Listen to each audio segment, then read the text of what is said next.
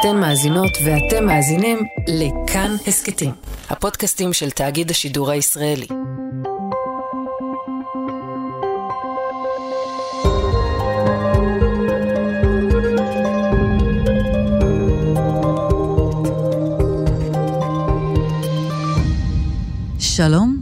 שלום וברוכים אה, הבאים, ברוכות הבאות, מאזינים, צופים, מאזינות, צופות להסכת החדש של אה, כאן. אני טלי מורנו, ולצידי נמצא גיא רולניק, העיתונאי, הלוחם, לוחם ללא חת. מה העניינים, גיא? וואו, איזו פתיחה נהדרת, לוחם ללא חת, מפה אפשר רק לרדת. נכון, הכל נכון. טוב, טלי.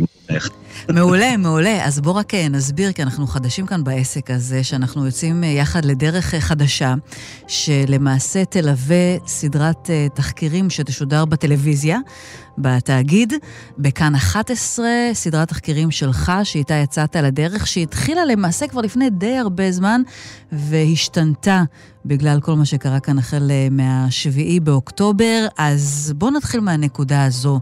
מה מביא אותך לעשות סדרת תחקירים חדשה אחרי שכבר כמעט ועשית הכל? לא, לא עשיתי, עשיתי, אני רוצה לעשות עוד הרבה מאוד דברים.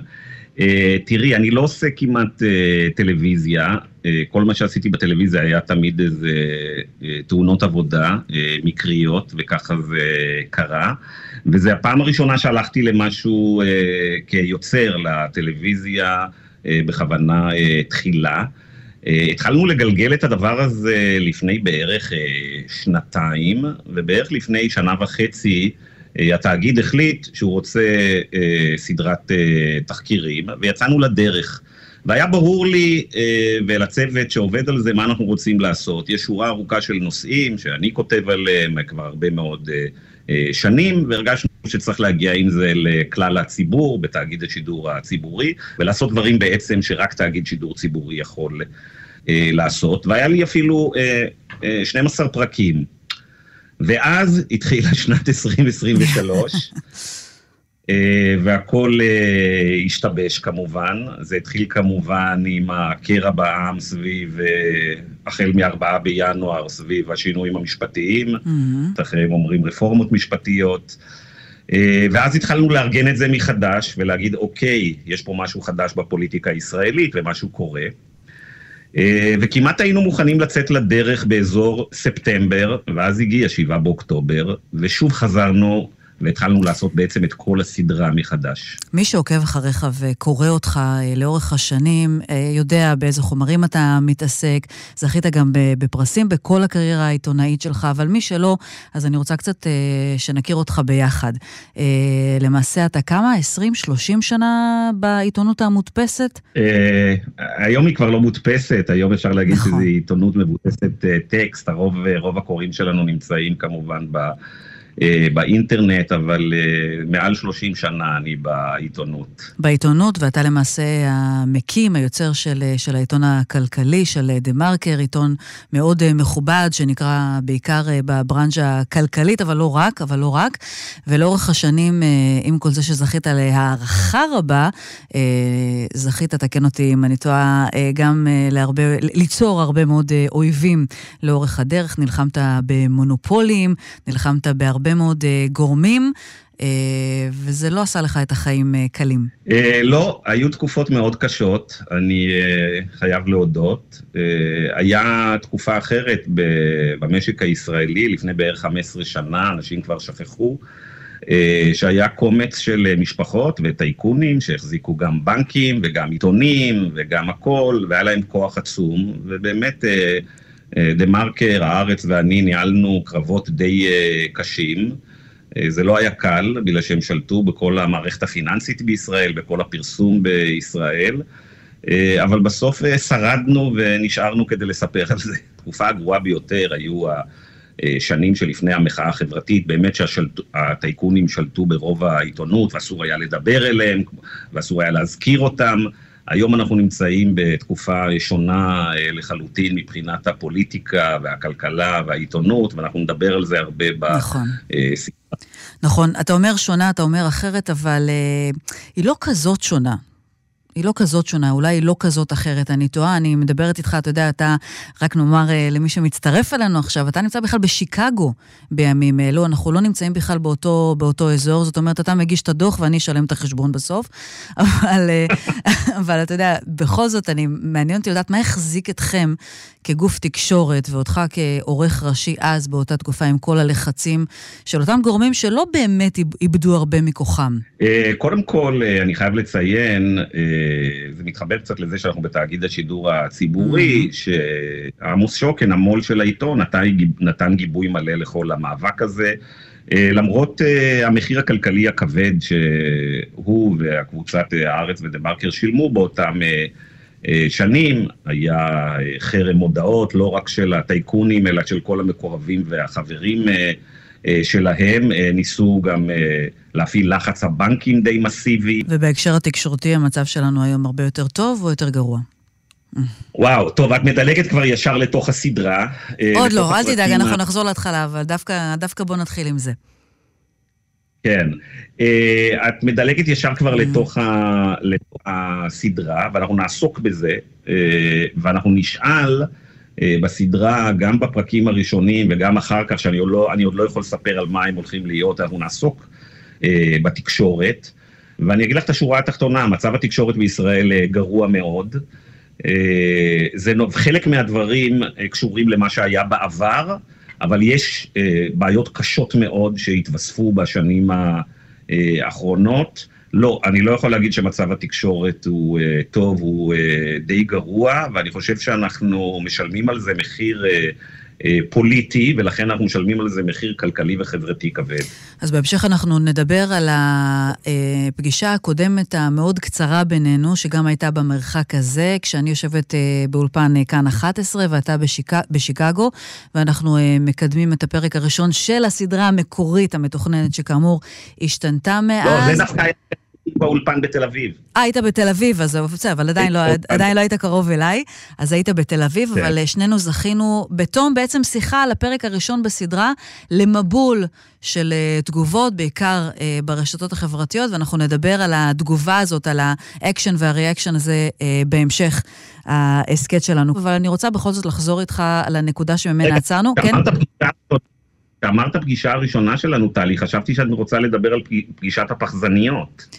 אתה לא תאיים עליי עם הפחזניות, אתה לא תאיים עליי. אז נכון, הייתה פגישה, רצינו להבין אם אנחנו באותו ראש, לקראת ההסכת הזה, הזמנו קפה, ואני, כן, אני נוהגת להזמין גם פחמימות כשאני בפגישה, מה זאת אומרת? אני רוצה שזה יהיה בהרגשה טובה. היו שלוש פחזניות בצלחת הזו, ואתה הבטחת שאתה תחלוק איתי, ומה קרה בסוף? אני חושב שאת ממסגרת את האירוע ממש אה, לא נכון. Mm. הסיפור הוא ההפך, לא שאני לא מאיים עליה. אני זוכר שאיך שהתיישבנו, את הודעת שאנחנו, את שאלת אותי אם אני רוצה לאכול, אמרתי לך לא, אבל את אומרת, חי, ואת אמרת, חי, חייבות להיות כאן פחמימות באירוע הזה. ואמרתי לך, בסדר גמור, ואז את מיד הלכת לפחזניות, ובאותו רגע אני אמרתי לעצמי, עם הבחורה הזאת יהיה לי כימיה, זה ברור. בחורה שמתחילה את כן, הפגישה הראשונה... כן, כן, כן, כימיה זה מאוד נחמד מצדך, בסוף היו שלוש פחזניות, לא בתום הפגישה, לא היו שלוש פחזניות, ואתה אפילו לא טעמת, מתוך נימוס, נימוס. אתה יודע, בשביל לתת לבן אדם שמוכל להרגיש יותר טוב, אבל בסדר. אני לא יודעת מה ההתחלה הזו מסמנת, אנחנו נגלה ימים, שבועות וחודשים uh, קדימה. Uh, עכשיו שהזכרת לי את זה קצת, אני מצטערת על הפחזניות. טוב, תן לי רגע. uh, אבל תראה, אז עשינו סקירה היסטורית של העבודה שלך כ- כעיתונאי, דיברנו על, אה, על כל אותם גופים שנאבקת בהם והמשכת. כשתחשוב, אני חושבת לעצמי כש, שמטרת העל שלך למעשה הייתה לפרק את המונופולים האלה, לעשות איזשהו סדר אה, חברתי, ציבורי, כלכלי, קצת יותר טוב, לשפר אותו כאן אה, במדינה. האם חשבת שמה שייוולד בדור הבא יהיו מפלצות מסוג אחר? וואו, לא רק שלא חשבתי, צריך להודות כבר בתחילת ההסכת הזה, טלי, שטעיתי בגדול, אוקיי? ועשיתי uh, סוויץ' מאוד משמעותי. Uh, דווקא בתקופה של המאבק בטייקונים, שראיתי איך הם לופתים את העיתונות באותה תקופה, אנחנו זוכרים את הדנקנרים שברגע מסוים שלטו במשהו כמו 400 מיליארד שקל כלומר, זה היה משהו בין 20 ל-25 אחוז מכל הכסף במשק, מכל הנכס, הנכסים הפיננסיים של הציבור, ובעצם על ידי זה הם גם שלטו ברוב כלי התקשורת, כי העיתונים או היו בבעלות של הבנקים, סמויה אגב, אז לא ידעו את זה, או היו תלויים בבנקים ובכל החברות.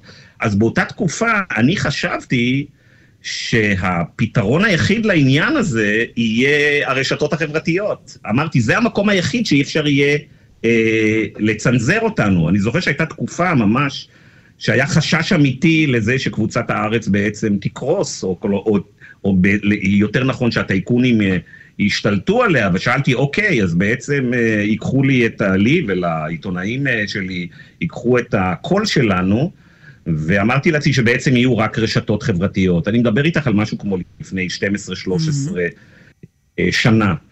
ואז כמובן משהו uh, קרה, וזה בערך לפני עשר שנים, אני התחלתי להרהר מחדש בשאלה האם הרשתות החברתיות בעצם הן הפתרון לכל מיני חולאים ובעיות שאנחנו רואים בכלכלה, בחברה, בפוליטיקה, ובהדרגה התחלתי לשנות את, uh, את דעתי.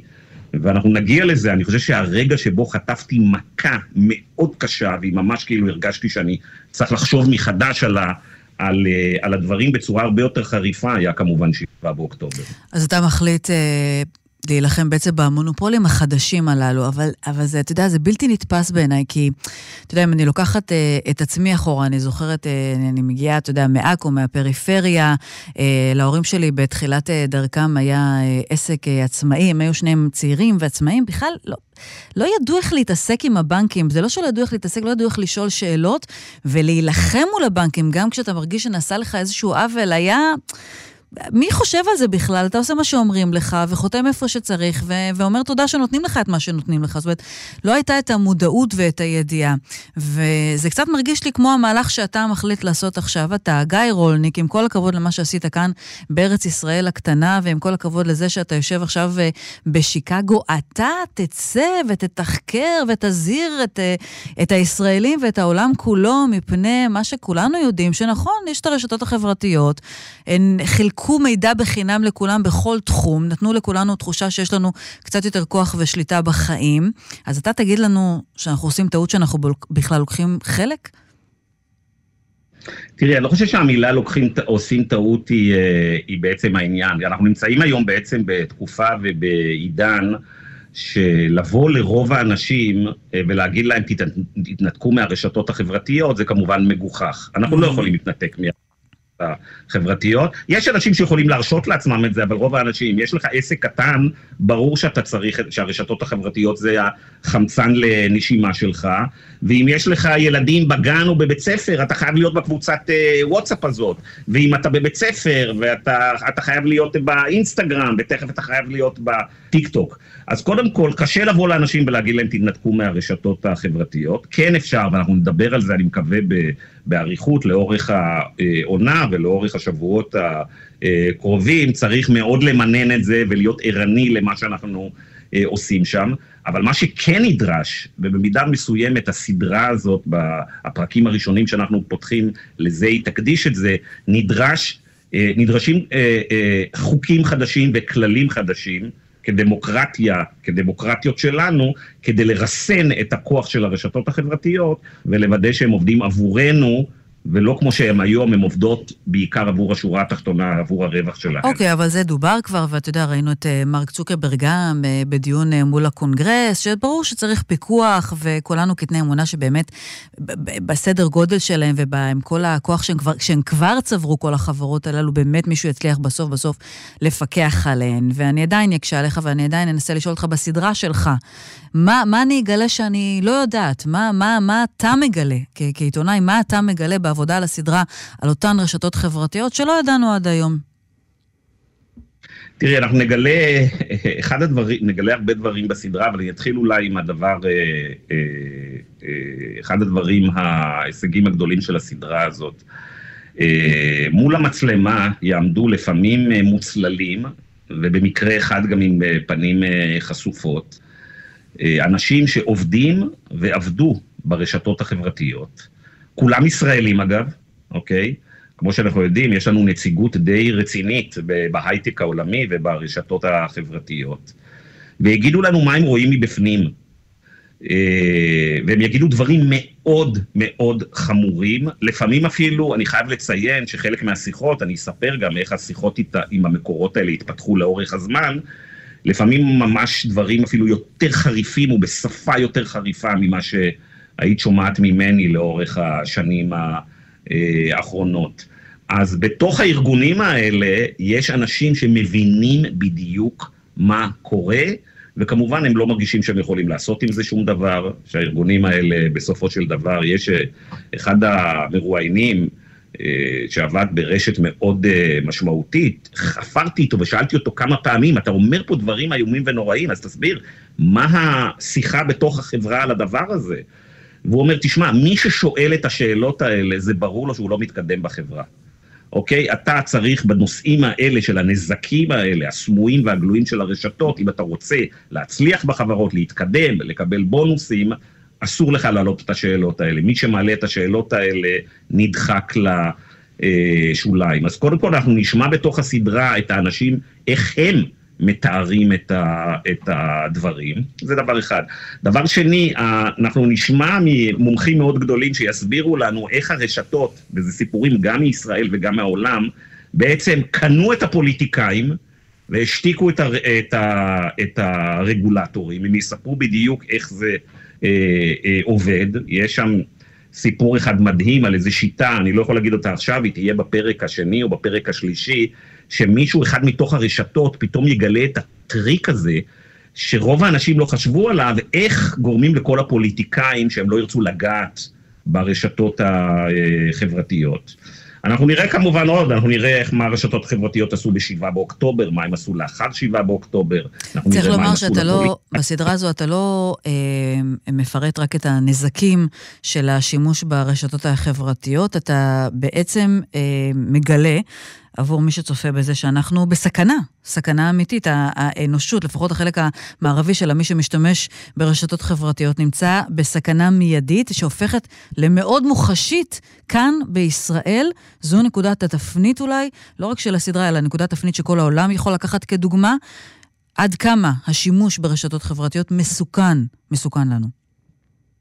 נכון, אז תשמעי, ממש היום, כשאנחנו מקליטים את הפודקאסט הזה, כמה ימים לפני שהוא uh, ישודר, ממש הבוקר שקמתי, קיבלתי אימייל מהפורום הכלכלי uh, העולמי, מה-World Economic uh, Forum, שהם עושים כל שנה, מזה 20 או 30 שנה, סקר בקרב כל מקבלי ההחלטות החשובים בעולם, סקר מאוד משמעותי, וקוראים לזה הסקר של הסיכונים הגלובלי השנתי.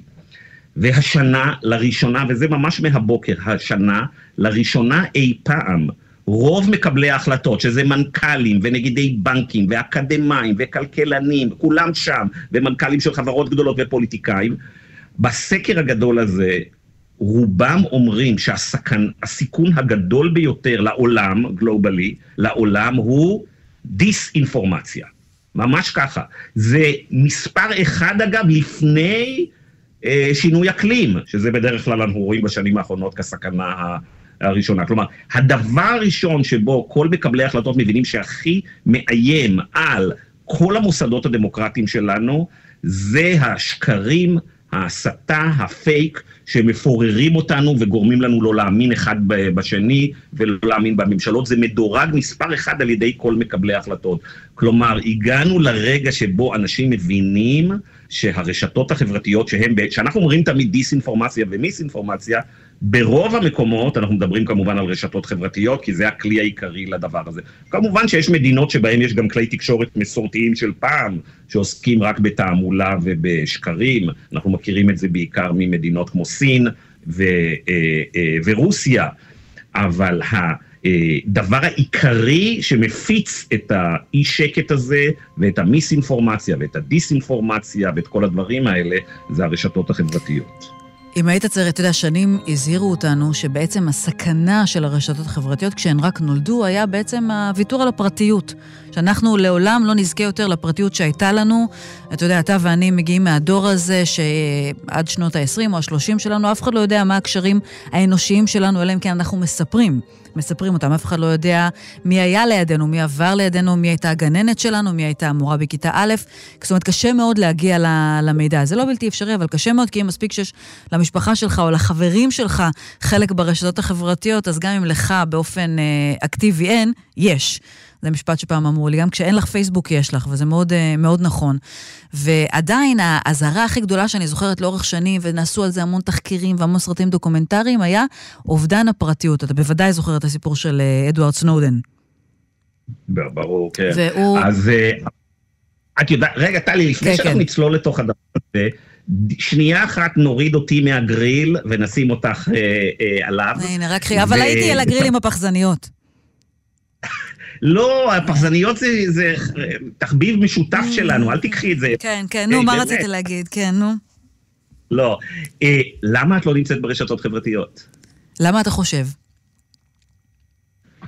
למ... א', אני לא מכיר אותך מספיק, אבל אני חושב שזה הדבר הנכון ביותר. אני uh, חושב שמי שיכול להרשות לעצמו לא להיות ברשתות החברתיות, מבחינת הקריירה שלו, ומבחינת בכלל מבנה האישיות אבל, שלו... אבל כששמעת פעם ראשונה, כי שמעת את זה רק לאחרונה, כששמעת פעם ראשונה שאני, למעט uh, טוויטר, צריכים להיות כנים, למעט uh, טוויטר, שגם כמעט אולצתי להתחבר, מה חשבת? מה הייתה המחשבה הראשונה שלך על זה שאני לא מחוברת? בחורה נבונה. תודה. כאן אנחנו מסיימים את הפרק הראשון של ההסכת. אוקיי, אוקיי. זה הדבר היחיד שעלה על דעתי. אני חושב שכל מי שנמנע מהרשתות החברתיות, אגב, גם בעיתונות, אוקיי? אז זו הייתה הנקודה הבאה שלי. כי האם באמת... כעיתונאית זה הדבר הנכון שמשרת אותי בצורה הטובה ביותר.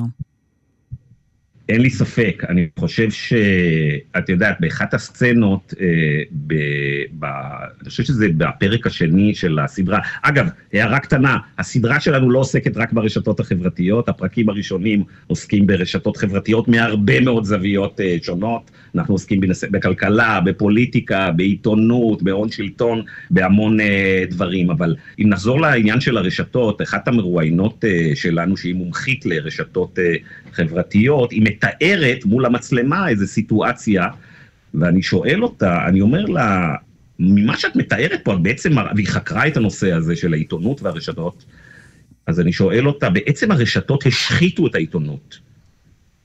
אמירה מאוד חריפה, והיא אומרת לי, לא, גיא, הם לא השחיתו אותה, הם השמידו אותה, הם חיסלו את העיתונות. ממש עד לשם היא, היא הולכת. אני חושב שהרשתות החברתיות עשו אה, אנחנו נדבר על הרבה בפרק השני, על האלגוריתמים של הרשתות החברתיות ונסביר איך הם עובדים, אבל אחד הדברים שאנשים לא תמיד ערניים לו, גם כשהם מבינים איך האלגוריתם של הרשתות עובד, איך תוכנת המחשב הזאת עובדת ואיך היא עוקבת אחרינו, ומה היא נותנת לנו ומה היא גורמת לנו, מה שאנשים לא מבינים זה שיש דבר שקוראים לו ההיגיון האלגוריתמי, איך שהאלגוריתם עובד. מה שקרה זה שההיגיון הזה של איך הרשתות אה, עובדות, זלג לאורך השנים לתוך חדרי החדשות של רוב כלי התקשורת, וזה לא משנה אם זה טלוויזיה או אה, עיתונים, אולי פחות ברדיו, אבל גם ברדיו, אין לי ספק. ובעצם העיתונות שאנחנו חווים אותה היום היא גם תוצר של הרשתות החברתיות. אף אחד לא יכול לעמוד מול הכוח העצום הזה. עכשיו, יש עיתונאים שהתמסרו לדבר הזה לחלוטין, ובעצם הקריירה שלהם היום הם עובדים ברשתות החברתיות. ויש עיתונאים שמנסים להתרחק. אני חושב שלרוב העיתונאים, כמה שהם יותר מתרחקים מרשתות חברתיות, אולי זה לא טוב. לבולטות שלהם, אם הם כל הזמן עסוקים רק במאבקי נתח שוק מול עיתונאים אחרים, אבל בגדול לעבודה העיתונאית עצמה, ככל שאתה פחות נוכח ברשתות החברתיות ופחות עוסק בהן, לדעתי מצבך משתפר דרמטית כעיתונאי. אז בהקשר הזה של העיתונאות שפוגשת את הרשתות החברתיות, אה, לא, לא, לא לחינם הזכרתי את אה, אדוארד סנודן, כי ברגע שבעצם הגיע אליו אה, עיתונאי מהניו יורק טיימס, והם מתעדים את הכל לסרט דוקומנטרי שהיה אחר כך בעל שני פרקים, אתה רואה שהדרך ליצור איתו קשר היא לא פשוטה. הם עושים את זה בהתחלה דרך כל הרשתות התת-קרקעיות האינטרנטיות, והוא כל הזמן מבקש מהם להניח ושלא יהיה לידם לא מחשב ולא... ולא הטלפון הנייד, כל הזמן, כל הזמן, ואז גם כשהם מגיעים לאותו חדר, באותו בית מלון, באותה מדינה שלישית, הוא לוקח את הטלפונים שלהם, הוא לוקח את הניידים, הוא שם אותם בתוך מיקרוגל, אתה זוכר את זה? יצא לך לראות את הסרט הזה? הוא שם אותם בתוך מיקרוגל, סוגר את הדלת ואומר, אוקיי, עכשיו אנחנו יכולים לדבר, והם עושים את הכל עם מצלמה רגילה. אה, של פעם כזאת, שאיתה היו מצלמים אה, כתבות, עם דף ועט. וחוזרים למקום הזה. וזה מחזיר אותי רק לנקודה, אני רק איישר איתך קו בעניין הפרטיות, שכשצפיתי בסרט הזה, אז היו לי שתי תובנות. אחת, שאוקיי, זה חלק מהמחיר שאנחנו משלמים כדי להתחבר לעולם, יש לכל דבר יתרונות וחסרונות, אז אובדן הפרטיות, אבל כולנו נהיה ערומים. מול הרשתות, כולנו, אז, אז יש איזה איזון אולי בדבר הזה, ובאספקט העיתונאי, החרדה שלי התפתחה בדיוק מהדברים האלה, מתוך הבנה שלמעשה, אם, אם אנחנו כל כך ערומים מול הרשתות החברתיות, אנחנו לא יכולים לשמור על המקורות שלנו. כן, אני חושב שזה גורם לנו נזק מאוד גדול כ, כ, כעיתונאים, אבל זה גורם נזק אה, אה, לכולם. אנחנו כולנו ערומים מול הרשתות רק מסיבה אחת, שהפוליטיקאים והרגולטורים לא עצרו את זה. זה לא חוק. שאנחנו חייבים להיות אה, ערומים אה, מולם. אבל זה לא באמת, אבל, אבל זה, זה לא נשמע כמו משהו שאפשר לעצור אותו, זה נשמע כמו משהו בלתי ניתן לעצירה, ובגלל לא, זה... כי אנחנו חייבים לעצור את זה. אם אנחנו חושבים שאי אפשר לעשות משהו, אז בואו נעזוב את מקצוע העיתונות, אוקיי? עיתונאים תמיד צריכים, גם כעמדה פוזיטיבית וגם כעמדה נורמטיבית, תמיד לחשוב שאפשר לשנות. אחרת, בשביל מה להיות עיתונאי? אבל אוקיי, אתה באמת חושב, גם... תראה, בסוף הרי מי שיאזין להסכת הזה יגיד, אוקיי, נו עוד פעם הרולניק הזה שבא להפחיד אותנו ולהלחיץ אותנו, אבל, אבל המכונות הגדולות האלה כבר עובדות, הפרטיות כבר מזמן נעלמה והפייק ניוז הוא כבר יצא משליטה. אין שום סיכוי שאולי תצליח לשנות את זה בפיקוח קטן פה, פיקוח קטן שם, אבל אין שום סיכוי שה system, שהאלגוריתם, ישנה את פניו באופן מהותי. יש סיכוי וסיכוי גדול, והסיבה היא מאוד פשוטה, ההיסטוריה שלנו של 100 ו-200 שנים האחרונות, בעיקר של 100 שנים האחרונות, שיש בהן זינוק אדיר ברמת החיים ובאיכות החיים ברוב העולם, היא היסטוריה שבה קובעים כללי משחק ושמים לשוק הפרטי סייגים. פעם זה היה נראה מובן מאליו שאפשר להעסיק ילדים במכרות. פעם זה היה מובן מאליו שאפשר למכור תרופות בלי רגולציה. כל דבר שניגע בו נסתכל שפעם בכלל חברות היו מגייסות כסף בבורסה בלי תשקיפים, לא היה בכלל רגולטורים. כל ההמצאה הזאת של רגולציה, המצאה של בין 50 ל-100 שנה. כל החיים שלנו השתפרו דרמטית בגלל שקבענו חוקים כדי להגביל שחקנים כמו את הרשתות החברתיות של לפני 100 אה, שנה. פעם מונופולים עשו מה שהם רוצים, אחר כך המציאו שיטה, הגבלים עסקיים כדי אה, לרסן אותם. אבל זה כלומר, בדיוק העניין, לא שכל פעם נולד הדבר החדש. זאת אומרת, אתה סוגר חור אחד לא בסכר, נולד הדבר הבא ונולד הדבר הבא. אולי אנחנו פשוט צריכים לקבל שזה העולם, וללמוד להגן על עצמנו, כל אחד באופן פרטי, מול הדבר הזה. אוי ואבוי, חס וחלילה, אנחנו לא יכולים להגן על עצמנו באופן פרטי. אנחנו יכולים רק בשורה ארוכה של דברים, רק המדינה יכולה, רק חוקים וכללים שנאכפים יכולים לה, לה, להגן על עצמנו. אבל איך, הרי, הרי גם אם אתה מחליט, כמוני, לדוגמה, לא להיות חלק מפייסבוק ולא להיות אה, אה, חלק מהאינסטגרם ומהטיקטוק, אבל אתה כן משתמש בוואטסאפ, הרי כולנו משתמשים בוואטסאפ. הרי זה גם, הכל הופכות להיות חברות בת של החברות הגדולות הללו. אתה לא באמת יכול להתחמק מזה. אתה לא באמת יכול להגן על כל העולם מפני היכולות העצומות של החברות האלה.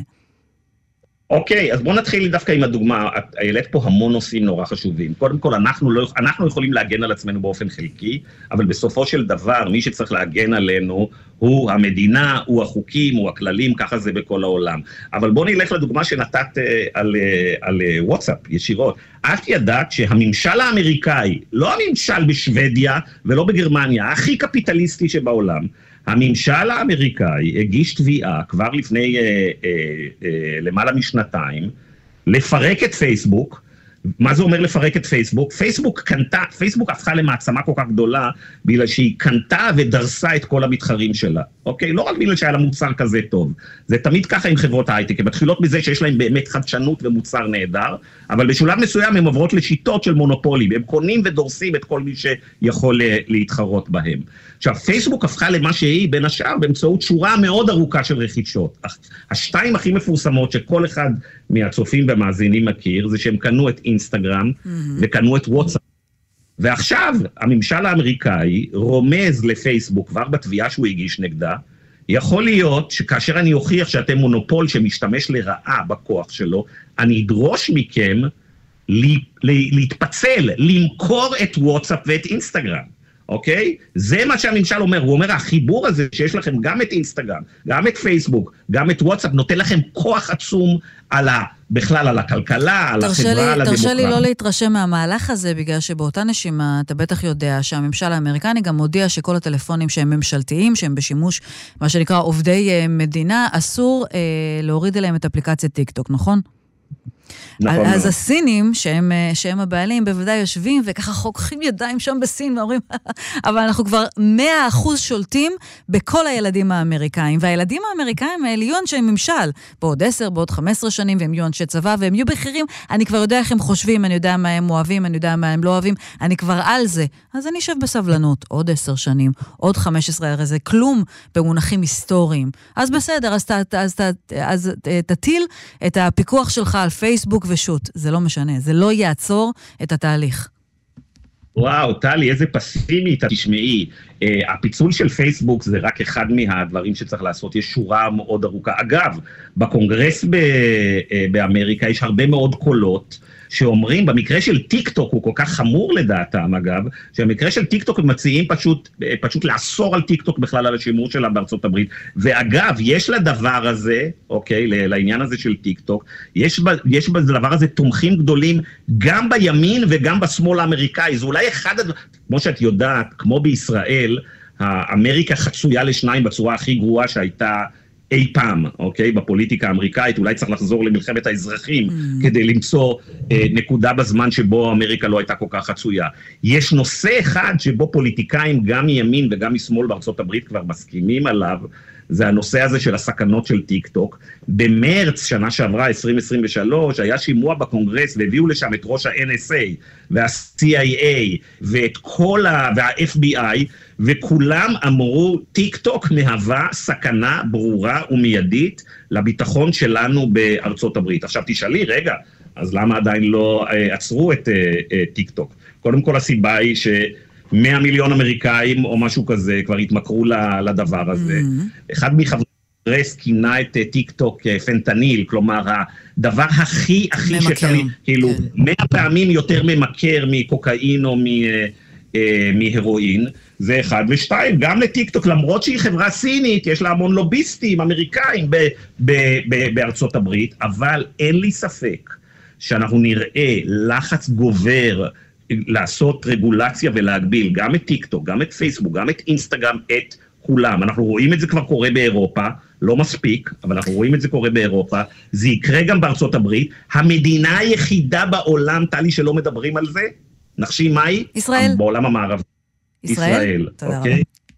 אנחנו לא, אנחנו לא, לא, לא מדברים על הכל, אתה יודע, יש דברים שלא צריך לדבר עליהם כאן אצלנו, לא? ככה זה עובד, ככה אתה שומר על העבודה.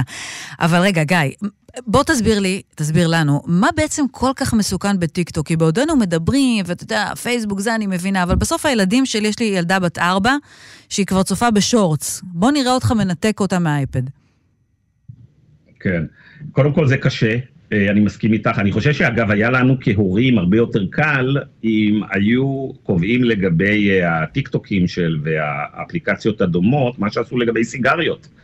אה, ומה שעשו לגבי דברים אחרים, כלומר, היו קובעים את זה בחוק, כמו שאסור הרי למכור סיגריות לילדים, אוקיי? אז אני חושב שגם אסור לתת לילדים טיק טוק. טיק טוק הוא ממכר, טיק טוק זה אלגוריתם מאוד מתוחכם שיודע לזהות אותך במהירות עצומה, ולהתחיל להציף לך תכנים אה, מאוד... אז אה, תתרגם לנו, תתרגם לנו את הסכנה בקצה של הדבר הזה. מה כל כך מסוכן בקצה של השימוש בטיקטוק? אז אני אתן לך את, ה, את, ה, את זה דווקא מאינסטגרם, אוקיי? אוקיי. טיקטוק אין לנו מספיק היום עוד מחקרים. טיקטוק הרי התפרצות שלה היא ב, בעיקר בשנה, שנתיים האחרונות, ואני אתן לך, אה, נתחיל דווקא באינסטגרם. אינסטגרם היא בבעלות, היא בבעלות אמריקאית בקצה? היא בבעלות מטא, מטא זה מה שהיה פעם פייסבוק, מטא מחזיקה את פייסבוק, את אה, אינסטגרם אמריקאי, ואת, אה, בקיצור, זה אמריקאי. מכונית אמריקאית. לחלוטין. כן. כן, זה, אגב, שאלה מאוד במקומה, טוב שאת uh, מיישרת אותי פה בעניין הזה, אני תמיד לוקח, אני לוקח את זה כמובן מאליו, שכולם יודעים שאינסטגרם שייכת לפייסבוק, ווואטסאפ שייכת לפייסבוק. אני פה כדי ליישר אותך, רולניק. וגוגל שייכת ליוטיוב, זה נקודה טובה, אבל בואו נלך רגע לאינסטגרם. אז בעניין של אה, אינסטגרם, הדבר המדהים הוא שיש מחקרים שמראים בדיוק מה קורה לנערות, כן? אה, בחורות אה, צעירות, כאשר הן נמצאות הרבה זמן באינסטגרם. והדבר המדהים ביותר שנחשף בחודשים ובשנתיים האחרונות בארצות הברית הוא שפייסבוק, הבעלים של אינסטגרם, המפעילה של אינסטגרם, היה, היא עצמה החליטה בשלב מסוים להתחיל לחקור מה עושה השימוש באינסטגרם למשתמשים שלה. ופייסבוק גילתה שהשימוש מוגבר באינסטגרם גורם לדיכאון, בעיקר בקרב נערות, עם מספרים מאוד מאוד מדויקים. מה היא עשתה עם הנתונים האלה שהיא גילתה אותם? מה? האם היא יצרה משהו? האם הם צריך לשנות? לא, היא עשתה ההפך. קודם כל, היא כל הזמן המשיכה לעבוד על זה שאינסטגרם יהיה אפליקציה יותר ויותר ממכרת, בעיקר לצעירים. היא עשתה הכל כדי לוודא שהוא חודר לגילאים יותר ויותר צעירים, והיא גם שקרה לקונגרס ואמר, ואמרה, אנחנו בכלל לא בטוחים שזה עושה דיכאון, האינסטגרם. צוקרברג עצמו הופיע שם כן, אבל אני, אני, ל... אתה, אתה נכנס איתי, כמו שאומרים לפרוצדורה. אני, אתה מדבר איתי על, על המיקרו, ואני מודעת לכל המקרים האלה, ואני חושבת שרוב ההורים, אוקיי, לצורך העניין, מודעים לחסרונות של השימוש ברשתות החברתיות האלה. הרבה מאוד הורים מנסים, נאבקים, ממש משתדלים לעצור את ילדיהם בצמצום הזמן מסך. זה כבר, אתה יודע, פעם דיברנו על זמן מסך, הטלוויזיה הייתה כלולה בו, זה כבר, הטלוויזיה לא רלוונטית. הכל, הכל נוגע ל, לרשתות, ובכל זאת, אני לא סתם שאלתי אותך לגבי החלוקה הזאת בין רשת שהיא בבעלות אמריקאית לבין רשת שהיא בבעלות סינית. כי שם מתחיל ונגמר הכל. הרי אנחנו כולנו בסוף בסוף בובות על חוטים. אנחנו חלק מההמון שנע בין הגלים הללו, ולכן אני שואלת אותך, עם הניסיון שלך ועם התחקיר העצום הזה שעשית, שלדעתי הוא עוד בעיצומו, עוד לא סיימת אותו, למה טיק טוק, ספציפית, טיק טוק כל כך מסוכנת? טיקטוק מאוד מסוכנת כשהיא שייכת לה, כמובן אה, לסינים, אוקיי? ואנחנו יודעים שסין זה לא בדיוק אה, דמוקרטיה, והם עושים שם מה שהם רוצים, והממשל הסיני בסופו של דבר, יש לו, כמו הממשל הרוסי אגב, יש לו חוטים בלתי נראים לכל חברה, בוודאי חברה, אה, חברה גדולה. וטיקטוק מצליחה בצורה יוצאת דופן. טיקטוק יש לה השפעה על עיצוב התודעה, בעיקר של צעירים היום אה, בכל העולם, אנחנו נעסוק בזה בפרק השני של הסדרה ונביא גם שם נתונים, ואז נדבר על זה גם בפודקאסט. הנתונים די מדהימים, שמשווים את הנתונים של צעירים, שזה דור הטיק-טוק, לאנשים יותר מבוגרים, רואים אה, אה, הבדלים עצומים שאפשר לייחס חלק גדול מהם כנראה לרשתות אה, חברתיות. אבל אחרי שאמרנו את זה, אני רוצה להגיד לך משהו, אני מבין שטיקטוק מאוד מטרידה אותך, ובצדק בגלל הסינים, אבל כאשר הסינים והאיראנים והרוסים וכל השחקנים הגדולים רוצים לעשות קמפייני תודעה, הם לא משתמשים רק בטיקטוק. הם משתמשים לא פחות באינסטגרם ובפייסבוק. מה שקרה בארצות הברית בשנת 2016, הקמפיין הגדול של, ה, של ההשפעה, כולו היה עוד בפייסבוק, זה היה לפני העידן שבו זה עבר בהדרגה לאינסטגרם ול, אה, ולטיקטוק. כלומר, למרות שטיקטוק היא הכי כאילו אופנתית כן, אני, אני אגיד לך מה מטריד אותי, אתה אומר מטריד אותי באופן אישי, זה, זה הרי לא מטריד אותי באופן אישי. אני יודעת שאני אה, בצד של האמריקאים, נכון להיום, נכון? אנחנו בצד של האמריקאים, רולניק. תקן אותי אם אני טועה, אם אני אמורה להיות בצד אחר, אז תגיד לי. לא, אני פשוט אומרת, אה, אה, אתה יודע, אני אומרת את זה בציון. אנחנו בצד של האמריקאים, ואם האמריקאים מקבלים החלטה לעצור את השימוש בטיקטוק בחלקים מסוימים באוכלוסייה, זה אומר שהמצב מאוד מסוכן. כי אמריקה יודעת שאם היא יוצאת בהוראה כזאת, זה משדר משהו לא רק לי באופן אישי, אלא לעולם. ולכן אני מתעכבת איתך על העניין הזה. כן, uh, תראי, יכול להיות שמסיבות פוליטיות קל יותר היום לקונגרס uh, יהיה, עוד נראה, יש מאבק גדול. אגב, יש לזה זווית ישראלית לטיקטוק, אולי את, uh, זה הזמן להגיד אותה ממש בקטנה. טיקטוק מוחזקת על ידי הממשל הסיני, אבל יש לה גם משקיעים פרטיים, והמשקיעים הפרטיים האלה קשורים לישראל. באופן די משונה, וזה קשור לפרק אחר אה, בסדרה שלנו, שאת ראיינת אותי לגביו אה, לפני כמה חודשים, עוד לפני שבעה באוקטובר. המשקיעים הפרטיים בטיק טוק הם אותם זוג מיליארדרים אמריקאים יהודים, שהם גם התורמים הגדולים של פורום קהלת, שהתפרסם פה בתקופה של, אה, אה, אה, של ניסיון השינוי בבית המשפט העליון, מה שאני קורא ההפיכה המשטרית, אחרים קוראים לזה רפורמה משפטית. אבל חזרה לשאלה שלך, יכול להיות שפוליטית יהיה יותר קל לקונגרס היום לשים מגבלות על טיק טוק, בגלל שזה יפחידו, זו חברה סינית וכן הלאה. אבל רוב המומחים שמתעסקים בנושאים האלה בארצות הברית, אוקיי? חושבים שהפלטפורמות האמריקאיות לא פחות אה, אה, מסוכנות לדמוקרטיה, לכלכלה, לחברה. בואו, הממשל האמריקאי יש לו עכשיו תביעות של הגבלים עסקיים מאוד מאוד חריפות, גם נגד גוגל וגם נגד פייסבוק, עם טענות מאוד מאוד אה, אה, חריפות, הן בהיבטים הכלכליים, וכמובן אנחנו יודעים על קמפייני תודעה ו, אה, וכן הלאה. אי אפשר להפריד את טיק טוק משאר החברות רק בגלל שהיא סינית.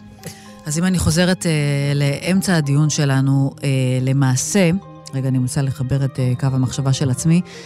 למעשה, החשש הגדול, אתה יודע, כמו שכל השנים הזהירו אותנו מהאיום האיראני והגרעין האיראני, ובסוף, אתה יודע, הם באו אלינו מסביב, דרך סוריה ולבנון, ובכלל תקפו אותנו מעזה. הזהירו אותנו כל כך הרבה מאובדן הפרטיות, ואובדן הפרטיות כשלמעשה המלחמה הגדולה באמת היא מלח... המלחמה על התודעה ועל דעת הקהל. וזה מחזיר אותנו לעיתונות, וזה מחזיר אותנו לשיחות על תקשורת. המלחמה היא על העיצוב הדעה שלנו, ויותר מזה, על עיצוב דעתם של ילדינו, של הדור הבא. כי זה מה שבאמת ישנה את, הש... את העולם. נכון, ואני רוצה דר...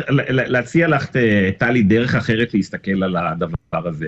תשאלי כל ישראלי, אוקיי, ב- לא משנה אם הוא שמאלני, או ימני, או, או, או מרכז, תש... וגם רואים את זה בחלק מהסקרים, מה דעתו על הפוליטיקה בישראל בשנים האחרונות? אוקיי, אז כמובן יש כאלה שיגידו, אה, יש את העניין של כמה שנים נתניהו בשלטון, אבל תשאלי אותם רק מה דעתם על הפוליטיקה. תראי שרוב האנשים, לא כולם כמובן, אבל הרוב המכריע של הציבור, חושב שקרה משהו נורא לפוליטיקה הישראלית. ואגב, תשמעי אותו דבר גם מאמריקאים, ותשמעי את זה בחלקים גדולים ב, אה, בעולם.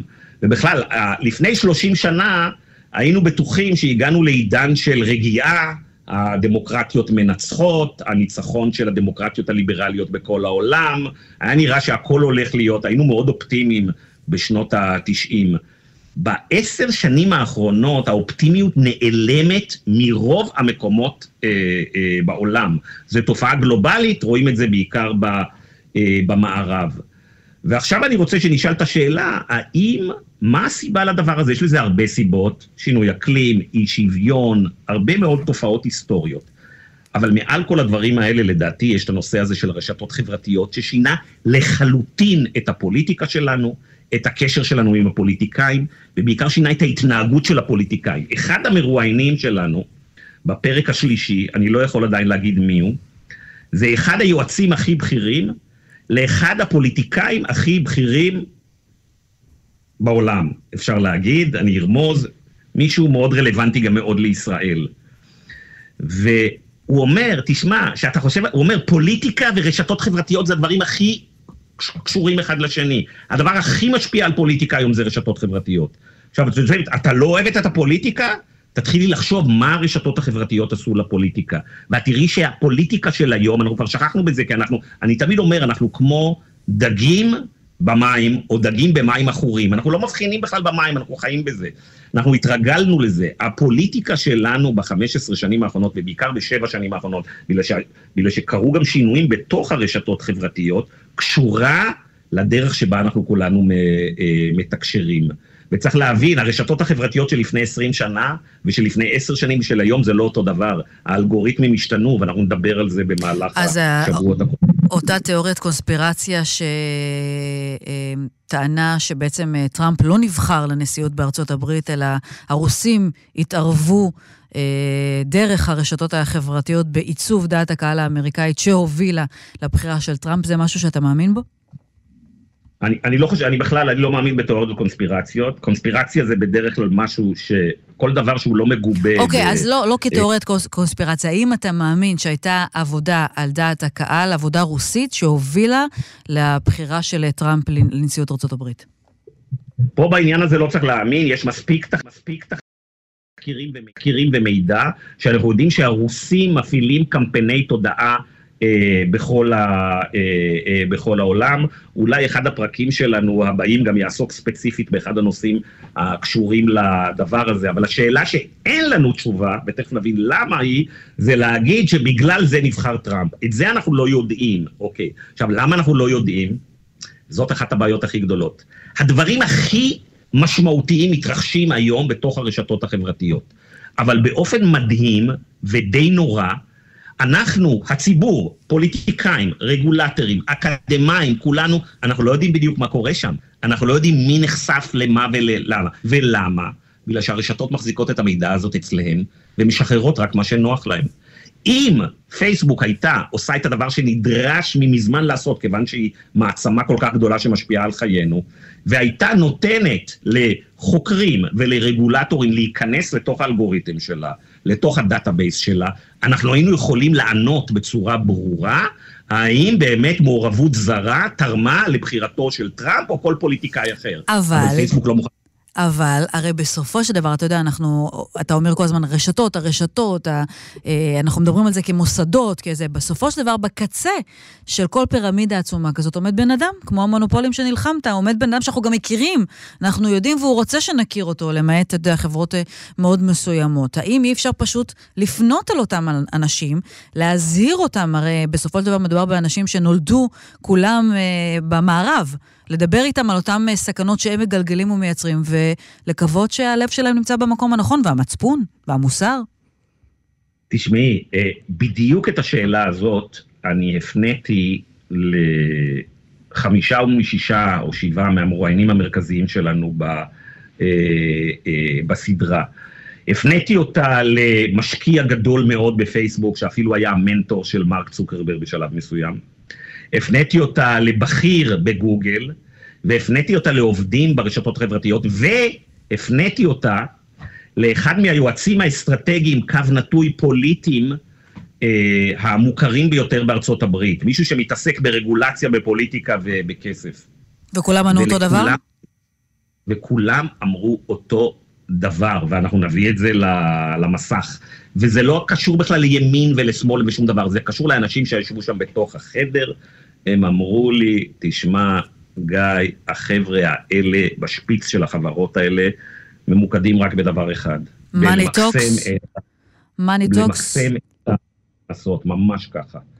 ואגב, שמענו גם את זה, יש גם קטעים אה, בפרק השני והשלישי גם של משתמשים שמאוד נפגעו מהרשתות, והם מדברים על העובדה שמי שעומד ברשתות... אבל תראה איזה חמוד הרבה... אילון מאסק, איך הוא הגיע, הוא ביקר כאן בבארי, הוא בא לראות במו עיניו, אחרי שהוא אשם באנטישמיות. הוא בא לראות במו עיניו וממש ענד את הדיסקית של החטופים, אחרי שהוא אשם באנטישמיות ובזה שהוא לא עוצר את גלגולי האנטישמיות אה, בטוויטר. זה אנשים שאכפת להם. אני רואה, מצאת, את חושבת שמצאת את הדרך איך להדליק אותי, טלי, הבנתי את ה... עכשיו אני הבנתי סוף סוף את, ה... את השיטות. לא יודעת על מה אתה מדבר, אני בסך הכל שואלת שאלות. ברור. אה, אנחנו נדבר גם בפרק השני וגם פרק שלישי ספציפית על אה, אילון אה, מאסק, ויש הבדלים בין אילון מאסק לבין נניח לבין צוקרברג וכן הלאה, אבל כמו שאת אמרת, מתי אילון מאסק מגיע פתאום לעוטף? יש עיתוי מאוד ספציפי שהוא בוחר להגיע לעוטף, ויש לו סיבות מאוד ספציפיות שהוא מגיע לעוטף. מתי, מתי? ומיד, ומיד ולאחר שהוא מגיע אה, לעוטף, הוא חוזר לארצות הברית ואומר דברים מדהימים, שהם פחות או יותר 180 מעלות, ממה שאת כרגע אמרת, כלומר ש, שהצופה הישראלי יראה את אילון מאסק אומר את הדברים האלה על היחס של הרשתות האלה לישראל וליהודים בכלל, אני חושב שהרבה מהצופים שלנו מאוד יכעסו. אז תראה, לכל מי שמאזין וצופה בנו וחושב, נו, עוד הפעם, עוד דוח שמזהיר אותנו מפני כל הסכנות של הרשתות החברתיות, והוא חי בישראל, אה, ויצפה כמוני, אני כבר צפיתי בפרק הראשון שאו-טו-טו ישודר, ותכף נדבר גם עליו, אה, מבין שמה שקרה, שנוגע לרשתות החברתיות והפך באיזושהי סכנה אה, לא מוחשית, איזה משהו ערטילאי, שאני מבין, בסדר, ואיכשהו אני אסתדר, ב-7 באוקטובר הפך לסכנה מוחשית, מיידית. שכולנו בישראל חווינו, וזו צריכה להיות נקודת תפנית קודם כל בישראל, אבל בכל העולם, להסתכלות שלנו על אה, רשתות חברתיות. נכון, הפרק הראשון יעסוק uh, בהרחבה בטרור של uh, 7 באוקטובר ובחלק של הרשתות החברתיות בזה, איך נקרא לזה, לפני, כלומר, כשמסתכלים על שלושת הפרקים שלנו שעוסקים ברשתות החברתיות, יש את כל התהליכים הפוליטיים לפני 7 באוקטובר, יש את מה שקרה ב-7 באוקטובר ומה שקרה אה, אחרי 7 באוקטובר, אבל בגדול אנחנו רואים שהרשתות, הם, אה, קראנו להן אה, רשתות להשמדה המונית, והפעם זה לא רק משהו, זה מטאפורה, אלא זה ממש ככה. הרשתות החברתיות אה, הן כלי בידי טרוריסטים, כלי בעל עוצמה אדירה, ואני חושב שמעט מאוד ישראלים לא הרגישו במישרין או בעקיפין את הדבר הזה בשלושה חודשים האחרונים. זה גם גרם לכם, השבעה באוקטובר, אה, לשנות בכלל את, ה, את הסדרה. גם אותך באופן אישי, קרה שם משהו שהפתיע אותך מאוד, זה היה מפץ. נכון, ואני רוצה לנצל את ההזדמנות הזאת כדי להגיד קודם כל איזה מילה על, ה, על תאגיד השידור הציבורי ועל הצוות שעבד איתנו. תראי, אה, ממש כמה ימים לפני 7 באוקטובר, היו מוכנים לנו שני סרטים מלאים על רשתות חברתיות שעבדנו עליהם במשך uh, למעלה משנה. ואז, קירה, ואז כמובן קרה 7 באוקטובר, כל העולם uh, השתנה. Uh, ואחרי כמה שבועות התחלתי לדבר עם הצוות בתאגיד השידור הציבורי, עם uh, מנהלת הדוקו, עם גילי גאון, ועם uh, קרן קירש, וכמובן זה הגיע אחר כך גם למנכ"ל, ואמרתי, חברים, כל העולם השתנה, אנחנו צריכים לעשות את כל הסרטים האלה מההתחלה, ואנחנו צריכים להתרכז בדברים חדשים, והם מיד הבינו, אחד, אוקיי, צריך לעשות פה משהו uh, אחר לחלוטין, ושתיים, הבינו שאנחנו צריכים לפעול בצורה אחרת לחלוטין, במהירויות אחרת לחלוטין, ואנחנו פשוט קיבלנו אור ירוק מהתאגיד לעבוד בקצבים אחרים לחלוטין, בכיוונים אחרים אה, לחלוטין, כי ידענו שזה קריטי יותר מתמיד שאנשים יבינו איך עובדות הרשתות החברתיות. אגב, אני כבר אגיד, חלק עצום מהסדרה הזאת אה, צולמה בחו"ל, כי שם האקשן האמיתי. אבל בנובמבר, שהגענו שוב לחו"ל, זה הפעם היה למשהו שלא דמיינתי אי פעם, שאני אהיה חלק מפרויקט עיתונאי, וגם זה קשור ברשתות החברתיות. ואני אוסיף אה, ואומר שהפרק הראשון אה, גורם לך להבין לעומק עד כמה, עם כל זה ש... במקרה, אם מישהו מזדהה איתי והוא לא כזה מחובר לרשתות החברתיות, והוא ככה ממש בנגיעה, והוא לא מכור והוא לא שום דבר, עד כמה מה שקרה ב-7 באוקטובר היכה גם בו, שינה את חייו ופגע בו. אם לא במישרין אז בעקיפין, מש, זו התובנה שאתה יוצא ממנה עם, ה, עם הפרק הראשון. עד כמה הסכנה הזו שנראית לנו רחוקה, או השימוש של הילדים שלנו, של צעירים מאיתנו ברשתות האלה, עד כמה זה מגיע ופוגע גם בהם ככל שננסה. שלא יפחדו ולא יבינו מה קורה, הם מבינים אפילו לפעמים יותר טוב מאיתנו במכוון על ידי כוחות אכזריים. אז אה, זה נשמור אה, לפרק הבא, רולניק, ואנחנו נצלול בפרק הבא גם כמובן לעומק אה, של הפרק הראשון בסדרה, ננסה להבין איך הרשתות מרוויחות. גם מטרור מרוויחות כסף, איך התרגות של החברות האלו הורס אותנו כחברה מבפנים כל הזמן, ולמה אין להם שום אינטרס לעצור את זה. נזכיר שהפרק הראשון של דוח רולניק יעלה ביום ראשון הקרוב, 21 בינואר, בכאן 11, ב-9 בערב. אנחנו נהיה כאן בהסכת נוסף מיד אחרי, ונדבר על כל מה שהיה שם. אז גיא, תודה רבה, היה לי ממש כיף לדבר איתך. תודה לך, טלי, ואת חייבת להיות יותר אופטימית, אנחנו נצליח לשנות את העולם. אתה, אם אתה זוכר במפגש של הפחזניות, אתה אמרת לי שאני יותר מדי אופטימית. לא, זה היה בהקשר אחר לחלוטין. שאת, האופטימיות שלך, הסברת לי זה לגבי ה... long arc of history לגבי ההיסטוריה, דיברת איתי במונחים של מאה שנה, שבתוך מאה שנה הכל יהיה בסדר במזרח התיכון, עם האסלאם, עם הדתות, שם היית באמת אופטימית. זה בטווח. הקצר היית... הייתה קצת יותר פסימית. בפעם הבאה זה יהיה תותים עם קצפת, ואז בכלל תשמע על פרה-היסטוריה וכל מה שביניהם. אז אנחנו uh, ניפגש, נאמר uh, תודה רבה לעורך ההסכת שלנו, תומר מיכאלזון, למפיק איתי אשת ולעורכת הסאונד רותם דויטשר. תודה רבה לכם ולכן שהאזנתם לנו.